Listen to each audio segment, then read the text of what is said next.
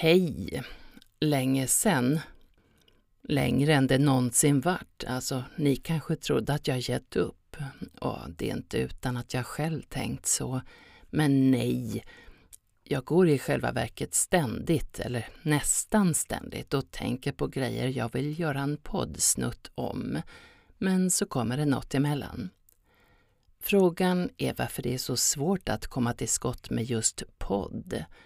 Det finns ju en massa annat som jag alltid prioriterar och knör in, även i en ganska kompakt kalender.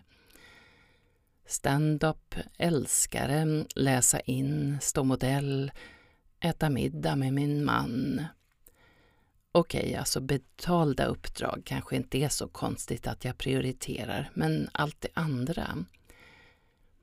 Jag läser ju in podd i samma lilla studio som jag läser in mina betalda tal och ljudböcker. Och när jag väl är klar med dagens pensum av betald inläsning så känns det som en extra stor extra ansträngning att ställa om fokus och stå kvar för ytterligare en stund av obetald inläsning för mitt eget höga nöjes skull. Ja, ungefär som mitt eget skrivande. Något jag ju vill, men som jag skjuter på tills jag har tid, lust och inspiration. Det vill säga, det blir ju fan aldrig av. Jag ser där en klassisk lärdom. Vänta inte på inspiration. Då blir det fan aldrig av. Jag har ju gubbevars faktiskt fått ett fett stipendium för min bok om mormor. 40 000 från Mediehistoriska föreningen.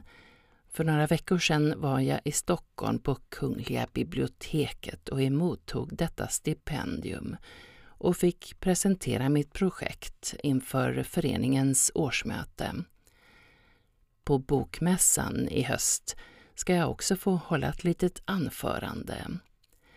Ja, det där har ju gett mig lite ny inspiration och energi att ta itu med omarbetningen av mitt manus som jag insett inte lockar tillräckligt till läsning. Men det tar emot, det gör det. Troligen grundat i att jag inte är helt övertygad om att jag kommer kunna ro det i land på ett tillräckligt bra sätt. Prestationsångest helt enkelt. Men jag måste, jag vill. Och nu har jag trots allt ett par månader betalt för jobbet. Plus att jag måste få tummen ur och ringa min halvkusin för att få komma upp till mormors fäbod igen. Magnus, sonen, han vill också dit igen. Och eftersom han har börjat fotografera så verkar det rimligt att han får ta bilder som är bättre än de jag tog med min mobil 2018 men eftersom jag fan inte kommit mig för att ringa så börjar den obokade delen av sommaren krympa.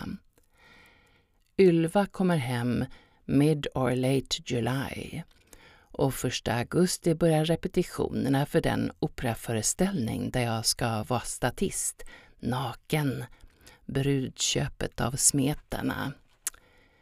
Och sen ska jag vara röstmottagare vid förtidsröstningen vilket inleds med en obligatorisk utbildning den 16 augusti. Ja, och så ska jag gå en avancerad stand-up-kurs 8-12 augusti.